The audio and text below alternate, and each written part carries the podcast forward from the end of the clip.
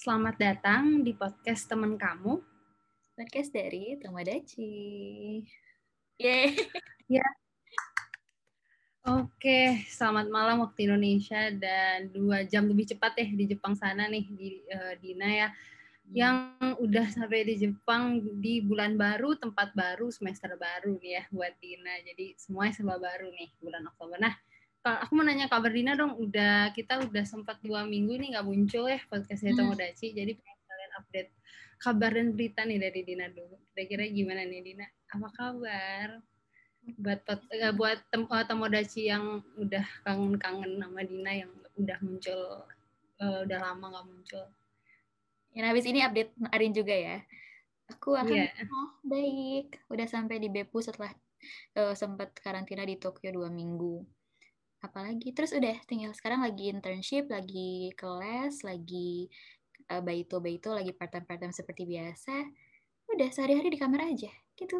Alhamdulillah. Arin gimana Arin? Sama kalau Dina di kamar aja aku juga di kamar aja ya berputar kayak atapku cuman uh, langitnya cuman atap dan ya di rumah aja. Karena ya lagi masih karantina juga di Jakarta ya masih PSBB jadi oh. masih kerja online di rumah juga lewat rumah ya kesibukannya masih kesibukan yang mirip-mirip lah sama semester lalu juga. Organisasi ada beberapa podcast terus juga kalau Dina lagi magang aku lagi cari-cari magang. Jadi doakan ya teman Deci kali aja dapat nah jadi um, karena kita udah update-update kabar kita juga udah masuk. Kemarin juga kemarin kita udah sempat update-update ini ya Insta Story ya kan? Dan kita juga udah sempat nanya-nanya nih ke Tomodachi di uh, IG-nya podcast dari Tomodachi juga dari IG uh, eh, akun kita masing-masing juga udah buka Q&A dan hmm. udah ada masuk nih beberapa pertanyaan dan kita pengen nanya uh, kita ingin jawabin uh, pertanyaan satu-satu dan kita pengen bahas-bahasin gitu ya kira-kira hmm. apa sih kehidupan di sekitar uh, kehidupan di Jepang sebagai muslim ya nggak sih Din? Ini nambahin aja dari episode sebelumnya kan kita ngomongin tentang hmm Muslim di Jepang kan ya Rin. Terus kita jadi kayak oh gimana kalau misalkan kita nggak jawab aja pertanyaan-pertanyaan dari teman-teman keponya tuh tentang apa? Makanya kita buka Q&A tadi kayak gitu. Yaudah. Yaudah. Oke. Kita satu pertanyaan awal nih memantik percakapan dari Dina. Dari oh dari aku dulu. Hmm, boleh boleh. Oke. Sebentar ya, aku scroll dulu. Yang mana ya? Oh, ini dulu deh yang yang dari dari basic dulu. Ada satu temanku nanya kayak pengen tahu deh kalau orang Jepang ketemu orang berkerudung kayak gimana responnya. Katanya gitu. Kayaknya kita nge ngebahas sedikit nggak sih dari hmm. kemarin pas kita ngobrolin. Hmm. Iya hmm. benar-benar benar.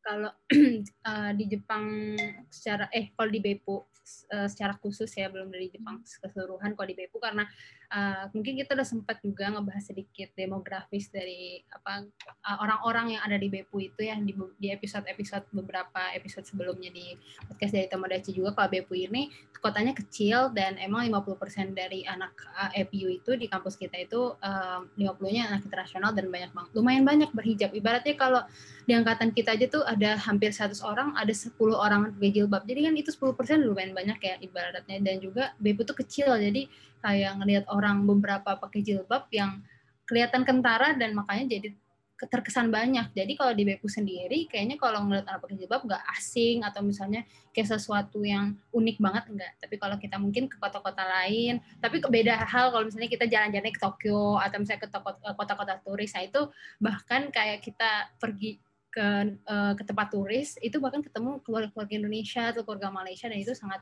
lumrah banget kalau kita ketemu ketemu orang berjilbab di daerah wisata nggak sih Din? Tapi kalau ya kita ke kota-kota kecil misalnya kan jadi emang agak sedikit berbeda dan sangat ini uh, terlihat uh, mencolok gitu. Ya nggak sih Din? Apa Dina punya pengalaman yang mau di share lagi? Ke mana kota kecil mana gitu?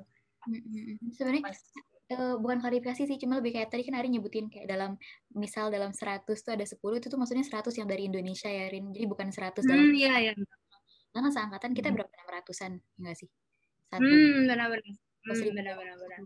Ya pokoknya segitu. Jadi lumayan lah gitu. Enggak enggak enggak cuma seorang gitu dalam kelas.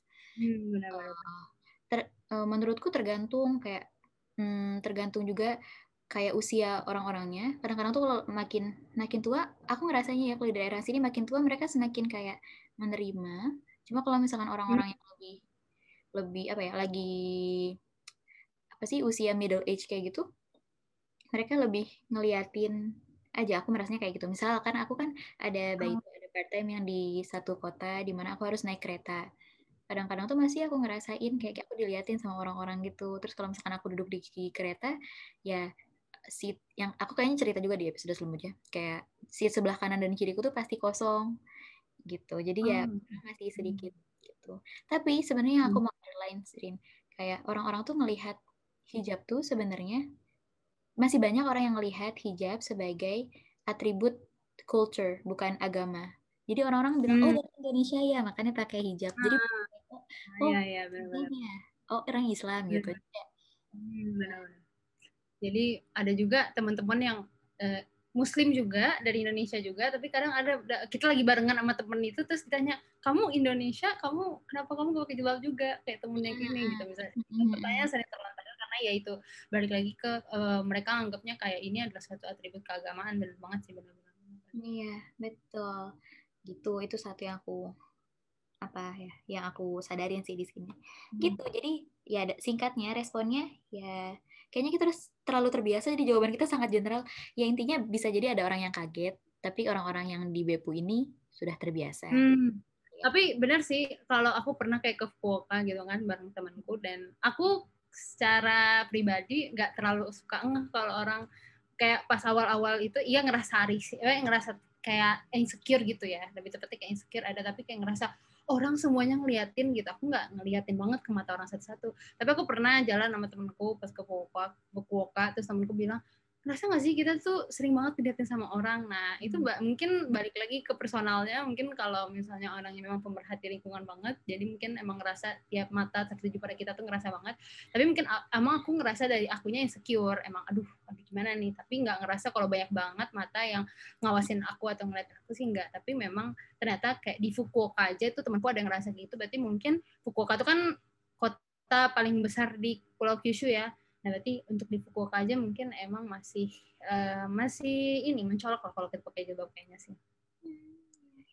Ya, semoga teman-teman nggak bingung ya kita nyebut beberapa kota tiba-tiba gitu. Nah, jadi ya seperti yang kita pernah sebutkan, kita tuh tinggalnya di daerah di kota bernama Bepu. Jadi Bepu itu kalau dibandingin sama kota-kota lain dia termasuk desa, nggak desa sih kayak kota kecil gitu loh. Jadi bukan kota metropolitan sama sekali kayak gitu. Kota metropolitan yang paling terdekat dari kita tuh Fukuoka yang tadi Arin sebutkan.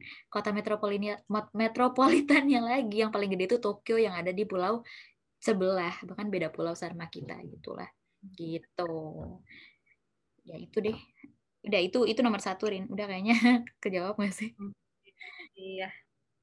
Dari Arin. Ada lagi? Hmm? Oke, dari aku Oke, pertanyaan dari aku. Kira-kira nih kalau lagi ini kan tadi ngomongin jalan, saya ngomongin kota-kota, jadi kayak ini masih lingkupan jalan ketika jalan-jalan lah ya. Nah, misalnya kalau kita lagi jalan-jalan nih, terus misalnya udah uh, waktu uh, udah masuk waktu sholat dan kita kan harus sholat. Nah, gimana nih cara mengantisipasi keadaan kayak gini gitu untuk bisa sholat tapi di tengah trip dan kita tahu kan kalau lagi di Jepang itu uh, susah cari tempat sholat gitu, gak disediakan. Gitu. Gimana tuh? Hmm. Gimana deh, mau jawab nggak duluan? Boleh. Kalau lagi perjalanan, pasti kan ada ada keringanan kan, ada jamak gitu nggak sih, Rin? Kita ya sering kali pakai jamak. Hmm sholatnya gitu. Terus kalau misalkan di tempat-tempat hmm. memang benar nggak banyak tempat-tempat yang menyediakan musola khusus buat orang-orang berdoa atau quiet space itu nggak banyak. Jadi kita memanfaatkan space yang ada. Contohnya nursing room, jadi kayak apa ruang menyusui atau kadang-kadang di apa ya pokoknya space space-space kosong. Terus kita juga kemarin bahas kita juga kadang-kadang masuk ke dalam ini nggak boleh sih sebenarnya astagfirullahaladzim. Cuma kadang-kadang ke fitting room gitu ke fitting room terus sholat mm -hmm. sholat di sana. Terus ujung-ujungnya jadi beli baju kan gara-gara ke fitting room gitu gitu gimana lagi? Arin gimana? Benar sih benar-benar um, kalau misalnya teman-teman pengen banget detailnya atau pengen dengerin uh, lebih lengkap, kita udah sempat bahas juga itu secara khusus di episode sebelumnya. Jadi mungkin kalau teman-teman ada yang kepo dan pengen dengerin lebih lanjut lagi bisa didengerin nanti habis dengerin episode ini di episode 8 sebelum ini. Jadi tetap Muslim in Japan juga, tapi beda sesi doang, sesi part satunya doang. silakan didengar. Iya. Oke. Okay. Mau lanjutin apa mau dari aku nih? Boleh, boleh dari Dina lagi. Lempar-lemparan gitu. Lempar-lemparan bayi. Um, ini deh, motivasi ibadah. Jadi kayaknya, karena kan kita nggak, seperti yang kita tahu, Islam tuh minoritas di Jepang kan. Gimana caranya hmm. selalu punya motivasi beribadah? Ayo, dari Ustazah Harin dulu. Aku lempar pertanyaannya. Aduh, apa ya motivasinya karena um, ikut-ikut ini biasanya yang uh, kita kadang kan suka um, males itu kan datangnya dari sendiri kan karena kita merasa hmm. sendiri salah satu yang bisa membuat kita termotivasi itu dengan nge-charge semangat kita tuh dengan ketemu orang-orang kayak ada kan komunitas gitu. Hmm. Ya kadang uh, untungnya di Bepu kita kita rumahnya kalau teman-teman udah sempat dengar itu sebelumnya kita juga sempat bilang lokasi rumah kita kan lima menit dari ya ibarat lima menit lah dari masjid udah tinggal jalan kaki doang. Jadi kalau misalnya ada acara apa apa di uh, di masjid itu bisa langsung ke sana. Jadi uh, dapat lagi aduh ternyata ketemu banyak orang dan kan kayak nge-charge lagi semangat semangat kita. Atau komunitas dari Indonesia nya juga lumayan rutin kan bikin pengajian sekali sebulan juga. Ya tas lima. Ya jadi kita um, biasanya um, ya, kalau misalnya ada waktu biasanya sempetin mampir ya sekalian uh, ketemu teman-teman juga sekalian ya biar lebih semangat lagi lah bareng-bareng kan. Karena kalau untuk hal, kayak gitu kadang bisa jadi motivasi nggak cuma internal doang cukupnya kan. Jadi kadang dari eksternal nambah-nambahin. Nah itu beberapa langkah tadi itu beberapa platform tadi itu bisa jadi caranya sih menurutku. Kalau menurut Dina gimana? Setuju, setuju, setuju. Aku ngerasanya malah waktu aku di sini aku jadi malah termotivasi buat menggali lebih dalam. Karena jatuhnya kalau dulu kayak aku aku SD SD Islam terpadu, SMP aku SMP-nya ya Islam, SMA juga aku SMA-nya Islam. Terus di sini terus tiba-tiba kita di kita apa ya dikelilingi sama orang-orang yang memang mungkin nggak sejalan pikiran uh, dalam artian kayak tidak satu kepercayaan sama kita gitu. Terus jadi kita kan jadi mikir ya kayak oh bener nggak sih yang aku pikirkan, yang bener, bener gak sih hal-hal yang selama ini uh, melingkupi kehidupan kita. Jadi kayak aku rasanya jadi termotivasi aja sih hmm. sendiri. Tapi ya emotional power itu salah satu halnya. Makanya aku aku serumitnya sama Arin tuh tujuannya itu teman-teman. Aduh sama lah kita aku juga dan uh, emang niatnya juga sama Dina supaya dapat kecipratan dari Dina nih semangat semangatnya subhanallah. Aduh. Oke okay, uh, pertanyaan selanjutnya. Oke okay.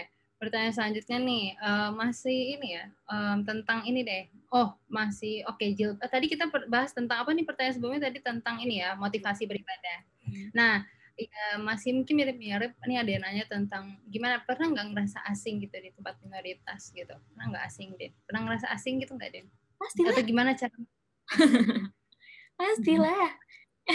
Jadi gimana cara mengantisipasi rasa asing itu gitu kan? Maksudnya gimana kita akhirnya bisa mengintegra mengintegrasikan diri gitu loh ke dalam hal yang kita rasa asing pada awalnya itu Hmm, kalau boleh jujur sebenarnya sampai sekarang aku merasa aku nggak akan bisa, aku tidak bisa dan tidak akan bisa mengintegrasikan diriku ke komunitas ini gitu.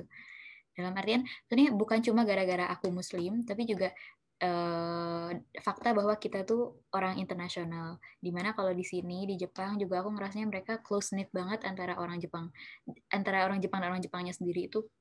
Dan walaupun mereka sekarang sudah semakin terbuka sama orang luar, aku masih belum bilang aku masih ngerasa mereka belum bisa buat betul-betul menerima kita. Of course ya, kayaknya semua negara juga gitu sama orang uh, dari warga negaraan lain gitu. Cuma kalau bagaimana cara mengintegrasikannya, aku nggak terlalu banyak berfokus ke sana karena aku merasa sebagai sebanyak apa pun usahaku aku tujukan ke sana, aku nggak akan bisa sampai benar-benar merasa oh ya I belong here gitu. Jadi buat sekarang aku merasanya uh, gimana caranya aku sampai di suatu stage di mana aku merasa aman dan I feel comfortable with my own skin. Terus and I also feel comfortable surrounded sama orang-orang uh, yang beda sama aku. Jadi aku udah itu aja targetku gitu Rin. Arin gimana? Benar-benar setuju banget sama Dina tadi kan karena kalau kita ngerasa kita harus oh iya kita harus klop sama semua orang mungkin ya. berarti jatuhnya ya kita harus memposisi uh, mencari lingkungan sendiri di mana kita nggak merasa asing ya kita berusaha juga pastinya sosialisasi berusaha untuk mingling juga sama teman-teman yang berteman boleh sama siapa aja gitu kan bangun jaringan tapi nanti ada masa-masanya kita membangun inilah ya membangun siapa sih uh, friend kita tuh siapa aja lingkungan-lingkungan kita yang orang-orang uh, terdekat kita tuh yang kita um, oh kita cocok sama ini. Nah mungkin ya pasti itu nggak menurutku mungkin oh karena kita muslim uh, cuman temen muslim aja nggak. Kan ada juga ternyata uh, nanti kita ketemu juga sama teman-teman yang bukan berarti kita oh muslim kita punya beberapa restriction yang kayaknya oh nanti mereka nggak nggak ada di teman-teman yang lain juga mereka bisa ada uh, teman-teman yang mengerti dan bahkan kita bisa saling belajar gitu loh satu sama lain dengan uh, pertama di dalam pertemanan itu. Jadi um, kalau ngerasa asing ya pasti kita nggak mungkin oh serta merta udah empat tahun terus kita oh ya udah langsung advance banget nih akhirnya bisa ke semua orang mungkin aku masih dalam uh, posisi masih belajar jadi aku ngerasa ya pastinya beda lah sama pas tahun pertama banget yang kayak aduh gimana nih serba khawatir serba bingung. Tapi mungkin sekarang kita udah bisa mensiasati udah tahu kira-kira udah bisa membaca uh, udah membaca tempat gitu loh gimana yang mana membaca situasi dan mengendalikan yang kita bisa kendalikan gitu betul betul betul. Aku sempat banget ini kayaknya aku juga pernah nyebut di di one of our episode gitu. Kayak waktu semester semester awal apalagi aku merasa I completely don't belong here di mana aku tuh bener-bener enam bulan aku mau keluar kamar aja tuh deg-degan gitu loh. Kayaknya aku pernah hmm, cerita di house ya dulu.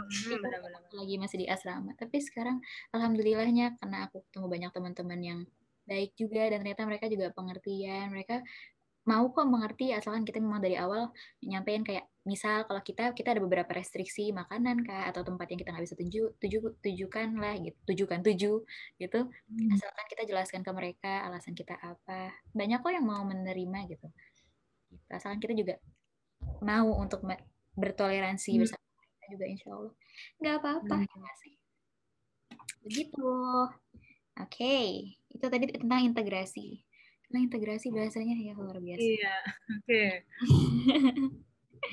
oke okay, bentar ya ini pertanyaannya udah dijawab kayaknya tadi apakah penduduk lokalnya udah familiar sama Islam udah ya? okay. udah ya udah mirip-mirip sama yang tadi mm -hmm. jadi ya belum terlalu tapi sudah semakin terekspos. Hmm. Oke, okay.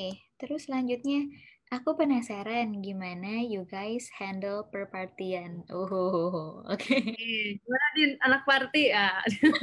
Enggak Dina, enggak maksudnya Dina ini nih um, kadang bukan anak party maksudnya Dina lebih sering kayaknya encounter dengan uh, occasion-occasion di mana harus uh, bertaktik ria nih gimana dia kasih tips dan triknya Hmm, akhirnya mau bilang kayak e, kan Dini lebih sering party aku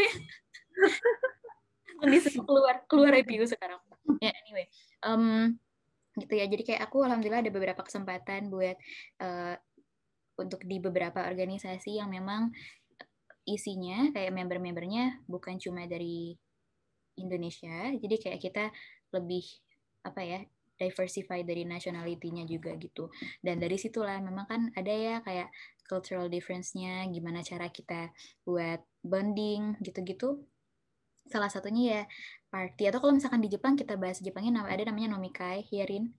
Nomikai itu salah satu hmm. yang memang Nomi itu artinya minum, kai itu pertemuan, jadi pertemuan untuk minum.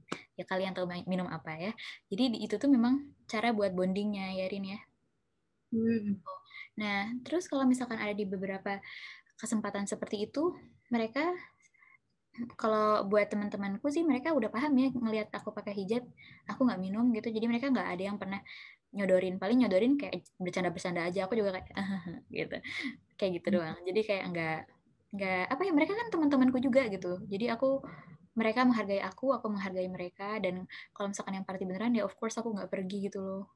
Hmm, hmm. Terjawab nggak ya? Ini ini karena aku menjawab dari perspektifku sendiri ya. Jadi aku hmm. merasa ya yang selama ini aku lakuin itu gitu. Jadi hmm. ya aku nggak pergi. Gitu. Mm -mm. Yes.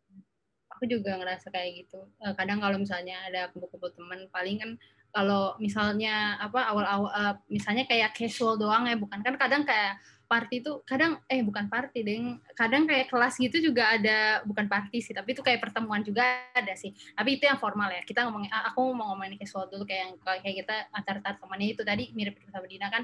Kayak kalau misalnya kita mereka udah ngerti temannya udah ngerti dan ya mereka tahu kita nggak bisa minum dan mereka pasti toleransi sama kayak kita kan toleransi. Misalnya ada temen alergi yang nggak mungkin lah kita langsung uh, cari makanan yang oh ada alerginya gitu kan kita ini. Nah, kita pasti akalin dulu ah, gimana nih dia nggak bisa makan ini atau nggak bisa minum itu misalnya. Kan pasti kita cari kan alternatifnya dulu. Nah tapi tapi nanti kalau misalnya ada kalanya di mana mereka harus minum tapi ya ada masanya malam-malam terus ternyata emang mereka jual minuman terus mereka mau minum. Ya kan nggak mungkin gara-gara aku mereka nggak minum kan ya udah ya tapi kita kan tahu bandernya tapi bukan berarti ya saling toleransi dan ya udah. Tapi ya kita juga tahu batasan kita kita nggak minum ya jangan langsung minum atau gimana karena mereka ngerasa ke pressure aduh mereka minum terus uh, kita harus minum ya ya jangan sampai kayak gitu gitu. Nah itu biasanya kalau misalnya emang udah nah beda lagi kalau misalnya itu kan kayak kumpul-kumpul kayak kayak yang kayak kumpul beda yang benar emang malam itu mau untuk party misalnya gitu emang khususnya bukan pertemuan yang lebih kayak ke party beneran ya maksudnya gitu lah ya teman-teman tahu nah berarti kan kalau kayak gitu kita udah tahu uh, kita harus memposisikan kayak gimana ya teman kalau teman kita ngerti juga atau gimana kita kan juga udah bisa oh, menghindari kan ya mencari alternatifnya mending gak usah pergi tapi kalau di kelas-kelas gitu misalnya ada kelas selesai apa selesai itu kita juga karena suka ada uh, kumpul-kumpul juga nggak sih din? Mm, yeah. Mm -mm. Benar ya, dan emang sih kalau kumpul-kumpul itu kadang di FU karena memang mereka lumayan ini ya, uh, menjunjung asas-asas toleransi gitu. Jadi kayak kadang pun gurunya kayak nanya kalau misalnya gurunya emang itu, kamu gimana? Kamu um, apa, gitu apa ya? nih?